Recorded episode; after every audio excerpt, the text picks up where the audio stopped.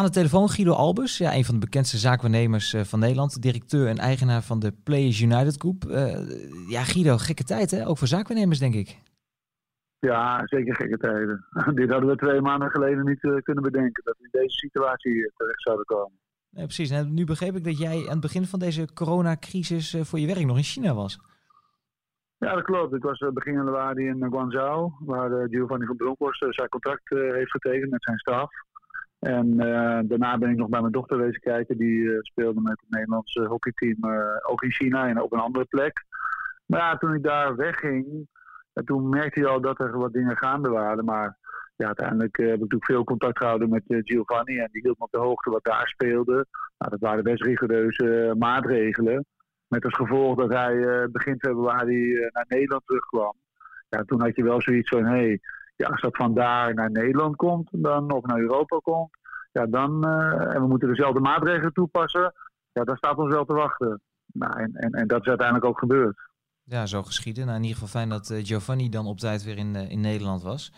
Um, hoe is het nu voor zakennemer in deze tijd? Want bedoel, jij hebt doorgaans heel veel contact met je spelers, met je trainers, snap ik. Dat gaat vooral denk ik ook over ontwikkeling. Dat gaat misschien wel over contract, dat soort zaken. Ik denk dat je nu wel andere gesprekken voert, of niet? Nou ja, de gesprekken die je met name nu voert, gaat ook over van ja, hoe houden de jongens zichzelf uh, fit. Enerzijds met de ondersteuning van de club. Je, want die proberen er ook alles aan te doen om te zorgen dat die spelers gewoon aan het, uh, aan het werk blijven. Want uiteindelijk worden ze nog steeds netjes betaald. Maar aan de andere kant probeer je ook te kijken ja, welke onderdelen waar je normaal gesproken niet aan toe kwam, kan je juist nu goed trainen. Dus daar wordt wat aandacht aan gegeven. Maar het gaat natuurlijk met name over van, ja, dat, dat je ook een gesprekspartner bent van ja, wat gaat er gebeuren. Maar ja, uiteindelijk heeft maar één, uh, één iemand, uh, in dit geval het virus, heeft daar het antwoord op. Ja, die bepaalt op dit moment het tempo waarin dingen veranderen. En ja, dat ziet er tot nu toe, gaat dat heel erg langzaam. Ja, wat, wat, merk je bij spelers op dit moment? Zijn die onrustig? Want ja, dat, dat zijn jongens die zijn gewoon lekker elke dag op het veld. Die doen wat ze leuk vinden. En nu, ja, ze zitten thuis binnen, misschien een stukje hardlopen. Wat, wat kunnen ze? Nou ja, ze kunnen natuurlijk niet heel veel. Het is natuurlijk per club afhankelijk van wat voor faciliteiten zij uh, ter beschikking hebben gesteld. En een aantal clubs hebben natuurlijk de middelen om uh, de goede materialen thuis te bezorgen. Dus voor die jongens is het iets beter verzorgd dan uh, misschien voor de clubs die op een lager, lager in de ranglijst staan. Uh, iedereen heeft natuurlijk wel zijn eigen netwerk of wel vrienden die misschien wel een sportschool uh, bij hun huis hebben. Dus ja, je merkt wel dat iedereen wel creatief genoeg is om te zorgen dat hij aan zijn meters en aan zijn, zijn krachttraining komt. Ja, het maakt het natuurlijk niet leuk op. En ja, wat ik natuurlijk wel hoor, is natuurlijk dat die clubs allemaal onderling natuurlijk die jongens in de team zeg maar uh, WhatsApp groepjes hebben waarin ze elkaar motiveren en trainingen met elkaar doen. Dus ja, de creativiteit is natuurlijk wel omhoog gegaan, maar uiteindelijk zijn het gewoon jongens die met elkaar uh, het voetbal leuk vinden. Omdat dat ze met elkaar tegen een bal kunnen schieten. En met elkaar plezier maken in de kleedkamer en op het veld. Ja, dat is natuurlijk volledig weggevallen. En zich ook gewoon zorgen maken om hun ouders en, uh, en ook om hun grootouders. Dus ja, de hele tendens is natuurlijk weer helemaal veranderd. Ja, precies. In hoeverre ben je dan ook een soort van, van ja, aanspreekpunt, ook in, in de geestelijke zin, dat je die jongens blijft motiveren? En, want op een gegeven moment ben je wel klaar met, met dezelfde krachtoefeningen doen, kan me voorstellen.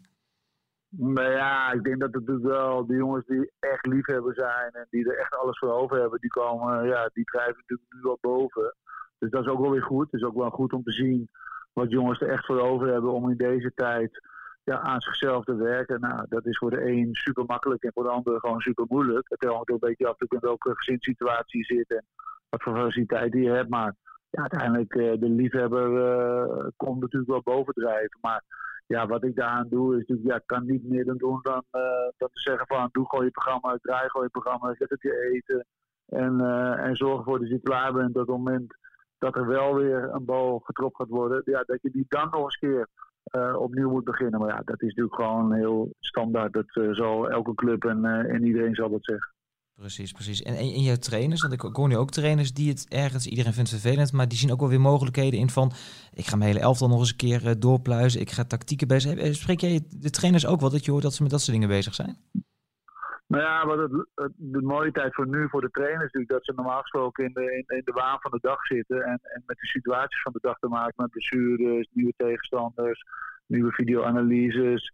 Ja, en nu kunnen ze gewoon alles gewoon nog beter voorbereiden ten eerste als het, zeg maar, het seizoen straks weer uh, gaat beginnen. Of dat nou wordt afgemaakt of niet wordt afgemaakt, dan heb je toch een hele andere manier van werken heb je daarvoor nodig. Want je moet natuurlijk misschien wel relatief vrij snel moet je zeg maar klaar zijn. Dus daar wordt over nagedacht. Het is ook gewoon goed om wedstrijden te kijken. Het is goed om je trainingen zeg maar weer nog beter te optimaliseren. Daar aandacht aan te geven. Uh, je kan individueel natuurlijk met je spelers bellen. Hoe het met ze gaat. En die aandacht is er niet nu altijd. Dus ja, ik denk dat iedere trainer dat voor zichzelf op zijn eigen manier oplost. Maar ik weet in ieder geval van mijn trainers dat dit nu een moment is waarop ze gewoon meer tijd hebben om daar uh, afspraken over te, of in ieder geval dingen te, te bekijken. En en nieuwe ideeën gewoon voor zichzelf eh, neer te leggen. Dus dat, maakt ze ook wel weer creatief. En, uh, en opnieuw zeg maar, gaan ze gewoon zorgen dat ze daar straks echt klaar voor zijn. Dus dat is al ook wat goed. Dus het zou gewoon kunnen dat, dat we over een paar jaar terugkijken op deze vervelende situatie. Maar dat iemand als uh, Giovanni van Bronckhorst of Frank de Boer zegt van nou, ik heb er ook best wel wat aan gehad eigenlijk aan die periode. Nou ja, ik denk persoonlijk dat dat weer niet. Uh, ja, kijk, die tijd heb je normaal gesproken dan niet en die heb je dan nu wel. Maar dat heb je natuurlijk liever in een, om, om, een omstandigheid die gewoon fijner is dan dit. Kijk, Frank zit in Amerika gewoon, gewoon in zijn appartement. Weet je wel, dat is gewoon, de lockdown is daar gewoon 100%. Uh, eh, nou, Giovanni staat inmiddels weer op het trainersveld, weet je, dus in China. Dus dat is weer heel anders, weet je. Die is gelukkig weer aan de gang. Ja, alles is met, uh, met maskers, alles is anders dan wat het was. Dus ja, en dat zal natuurlijk wel heel lang, nog een lange tijd blijven, dat het allemaal anders wordt. Ja, dat moet ook iedereen gaan straks gaan accepteren. Ja, dat is, daar zijn we natuurlijk nog helemaal niet aan gewend. Dat je straks misschien wel met een masker naar de supermarkt moet. Ja, ik, kan me er nog niks bij voorstellen in Nederland. Maar we lachten wel dat we om als we in China waren. Maar het is wel de realiteit nu. Ja, het kan zomaar gebeuren. Ik neem aan dat je nog contacten met Van Bronckhorst. Uh, kun je een beetje de situatie schetsen hoe dat nu daar gaat op het trainingsveld? Uh, nou ja, wat, wat goed is dat ze natuurlijk gewoon nu echt aan het werk zijn en, en, en gewoon op het trainingsveld staan en van de week bij spreken in de regen hebben getraind. Dus ja, dat is wel weer lekker, weet je, dat je echt wel weer even aan de gang bent. Uh, nou, de jongens zijn natuurlijk gereden, die hebben natuurlijk ook al vanaf, ja, vanaf januari, het is nu half april, uh, drie maanden, natuurlijk tussentijd zijn ze al in Dubai geweest, op andere momenten, maar ja, iedereen vindt toch, nou, wedstrijden toeleven, maar er is nog geen datum geprikt. Weet je, dus je weet helemaal niet wanneer je gaat beginnen. Dus dat maakt het allemaal wel een beetje lastig. Dus ja, normaal gesproken draaien een voorbereiding. En met een, met een beginmoment is dat de start van de competitie. Maar zelfs in China is die start van de competitie nog geen bepaald. En dat heeft ook te maken met, uh, er zijn nog 35 buitenlanders die op dit moment China niet meer in mogen. En die spelen dan bij de grote clubs. Dus ja, de grote clubs hebben daar natuurlijk gewoon bezwaar tegen gemaakt. Dat ze niet willen beginnen voordat hun spelers er zijn. Maar het nadeel daarvan is dat iedereen die uiteindelijk toestemming krijgt om uh, straks in China terug te komen, ja, die zal 14 dagen in quarantaine eerst moeten voordat hij überhaupt ergens weer onder de mensen kan komen. Dus ja, je bent nog echt wel een tijdje in de weer. En dat is ook de vraag die je natuurlijk straks stelt in Europa. Ja, die jongens die bij spreken van de buitenlandse spelers die vanuit Nederland nu naar hun huis zijn gegaan of naar hun familie zijn gegaan, ja, die komen straks in Nederland. Ja, hoe gaat het dan? Gaat, uh, gaan de clubs hier ook zeggen van de buitenlanders? Je moet eerst twee weken quarantaine voordat we je toelaten weer op het trainingsveld. Dus ja, er zitten nog heel veel haken en ogen aan voordat je echt feitelijk kan opstarten. Ja, precies. Dus dat, gaat nog wel extra tijd kosten als ik het zo beluister. In, in Nederland, hè, uh, dit is ook een beetje de periode meestal voor, voor om met uh, directeuren van clubs in gesprek te gaan over contracten, aflopende contracten, uh, nieuwe contracten, transfers, dat soort zaken. Merk je nou dat alles on staat? Nou, het gaat niet op hold, zeker niet. Weet je, de clubs hebben wel gewoon ideeën. Ja, die moeten ook van het beste uitgaan. En vanuitgaan dat, ja, dat zeg maar hopelijk dan na de zomer, dat je uiteindelijk weer gewoon kan opstarten zoals een normaal seizoen opgestart zou zijn. Uh, waarbij je natuurlijk rekening moet houden met ja, tekorten die ja, dit jaar natuurlijk oploopt. Ja, die zul je in je budget kwijtraken in, in volgend jaar. Dus daar wordt zeker natuurlijk wel rekening mee gehouden. Maar ja, ik vind het wel goed dat een clubs en de PD's die ik dan spreek, ja, ze houden wel vast aan hun voetbalvisie. En of dat financieel uiteindelijk haalbaar is, ja, dat is stap twee. Maar ik vind het wel belangrijk dat je gewoon een bepaald idee hebt van hoe je het seizoen straks wil beginnen en met welke spelers. En dat die gesprekken natuurlijk wel gewoon doorgaan. Ik denk dat het straks lastiger wordt om de prijzen en de, en de salarissen te onderhandelen die we uiteindelijk nu gewend zijn geraakt in de afgelopen jaren. Maar ja, ik denk dat je daar gewoon echt een stap terug in de tijd gaat nemen. Ja, maar het is er niet zo dat er nu al over gesproken wordt dat ze zeggen van we hebben uh, dit is de normale salaris dat we kunnen bieden, maar als die problemen zich door uh, gaan trekken, dan moet je er rekening mee houden dat er 10, 20 procent van afgaat of zo. Nou, zo gaat het niet. Ze bieden gewoon nu aan wat ze, waarvan ze denken dat ze kunnen gewoon betalen in het nieuwe seizoen. Dus ja, dat is heel duidelijk. En dat zal bij de ene club zal dat op een level zijn wat, uh, wat haalbaar is, gewoon omdat ze de financiën goed voor elkaar hebben. En bij clubs die de financiën niet goed voor elkaar hebben, zal het een stuk moeilijker gaan. Ja, dat zal natuurlijk per club verschillen. En ja, dat is natuurlijk altijd hoe het geweest is. Alleen, ja, ik denk dat zijn de meeste clubs die heel reëel zijn, dat ze gewoon kijken, oké, wie zijn de ondersteunende partijen in onze club? Dat zijn de seizoenkaarthouders en de sponsors. hoe staan we ervoor? Dus ik denk dat rondje, het bellen van, met de sponsors van hoe gaat het? En uh, staan jullie nog er goed op? Overleven jullie? Kunnen jullie volgend jaar nog steeds het bedrag betalen? Ja, dat zal mede bepalend zijn hoe het budget eruit ziet. Dus ja, dat zal voor iedere club anders zijn. En daar richten ze natuurlijk dan ook hun financiën op. Ik denk dat ze het wel op die manier inrichten. Want je kan natuurlijk wel met je sponsors bellen om te kijken van... ben je er volgend jaar weer bij, kan je betalen? Of uh, moeten we even niet op die rekening? Ja, nee, nee ik, ik weet zelfs dat het al gebeurt inderdaad. Zeker bij de wat, wat kleinere clubs in Nederland. Alleen ja, veel onduidelijkheid ook nog bij bedrijven. Merk jij bij je spelers dat zij ook uh, de nieuwe realiteit erin begrijpen? Dat het misschien wel eens minder gaat worden dan wat we gewend zijn? Nou ja, ik denk dat iedereen het heel goed kan begrijpen. Ik bedoel, als de topclubs uh, 30% uh, salarisverlagingen afdwingen, mits via de wet of via de club zelf, om te zorgen dat het personeel van de club gewoon kan blijven werken, ja, dan is het wel de nieuwe realiteit. Dus daar houden spelers natuurlijk absoluut wel rekening mee. Kijk, niemand vindt dat leuk, weet je, omdat je natuurlijk, uh, je wil in een korte tijd, wil je zeg maar je salaris en ook je pensioen bij elkaar voetballen. Nou, dan heb je het geluk gehad dat de economie natuurlijk de afgelopen jaren zo booming was dat alles kon. Nou, en dan nog ineens alles, maar in ieder geval voor een aantal uh, clubs uh, kon veel. Ja, dat zal natuurlijk gewoon weer anders worden. Ja, dat is alleen, ja, gaan we vijf jaar terug in de tijd of gaan we tien jaar terug in de tijd? Ja, niemand weet dat.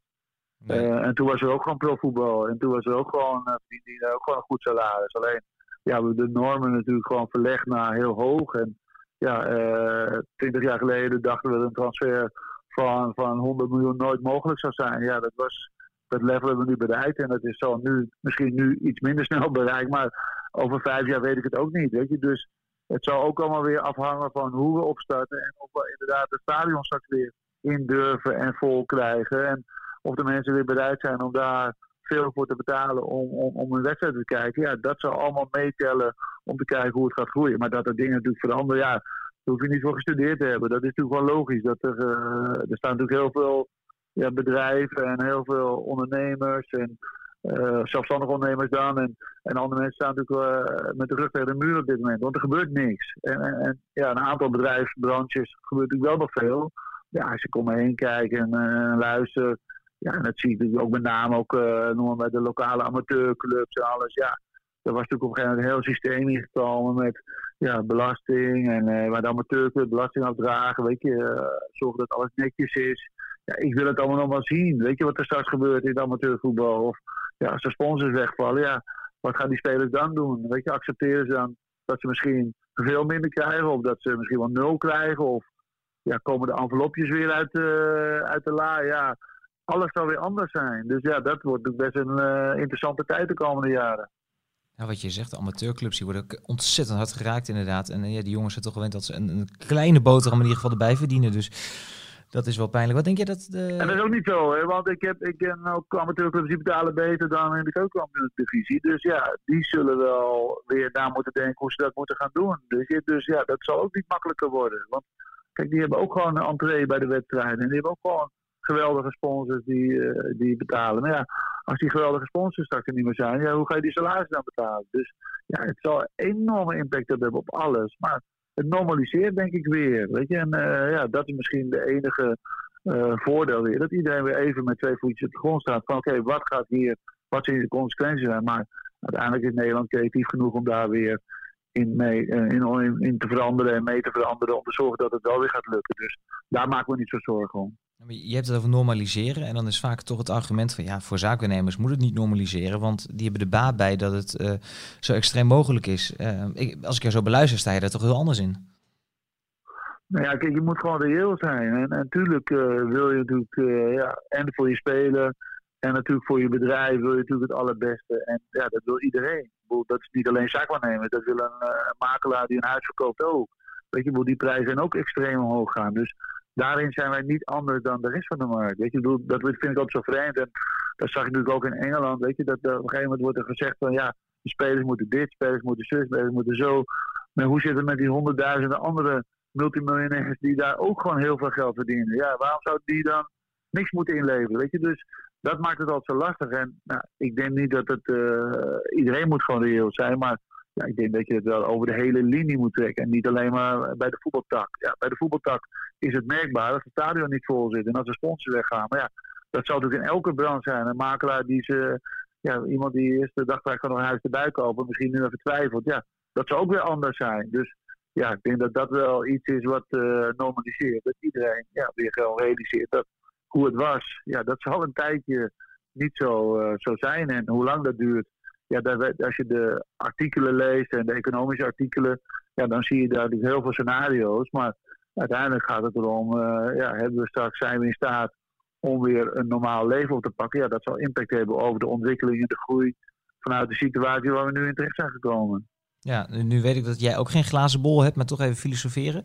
Denk je dat de transfermarkt deze zomer, als die open gaat, dat die dan hetzelfde wordt met wat minder geld? Of gaan we ook gewoon veel minder transfers zien, uh, Guido?